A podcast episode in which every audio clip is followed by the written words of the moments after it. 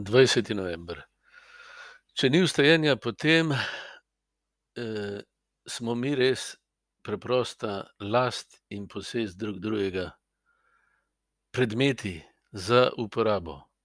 Če ljubezen ni premagala smrti, potem je čisto vse en, kaj počnemo drug z drugim.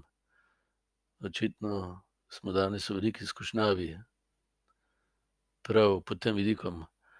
No, saduceji so bili tako prepričani, Jezus jim pa pokaže, da popolnoma narobe razmišljajo, da eh, žena ni last mož, ki so jo imeli potem, ko so drug za drugim umirali, ampak je božja hči, eh, ki z možmi deli ta dar, ki ga je Boga prejela, to, kar je. Ne?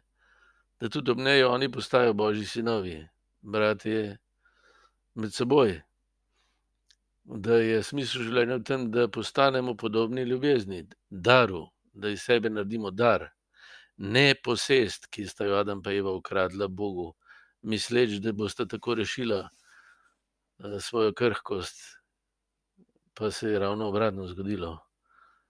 Uh, torej, uh, Gospod nas tudi danes po tem evangeliju, ko pove seducejem, da žena ni last ampak da je last Boga, ki nam je dal življenje zavedno. Eh, se pravi, da na tak način um,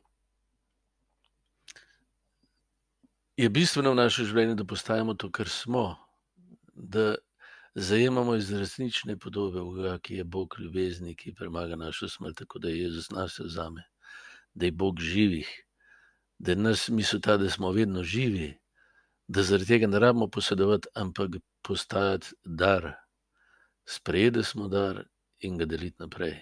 To je, recimo, za me bistveni podarek današnjega evangelija, tik pred praznikom, ki ga praznuje Cerkev Katoliška, Kristusa, kralja.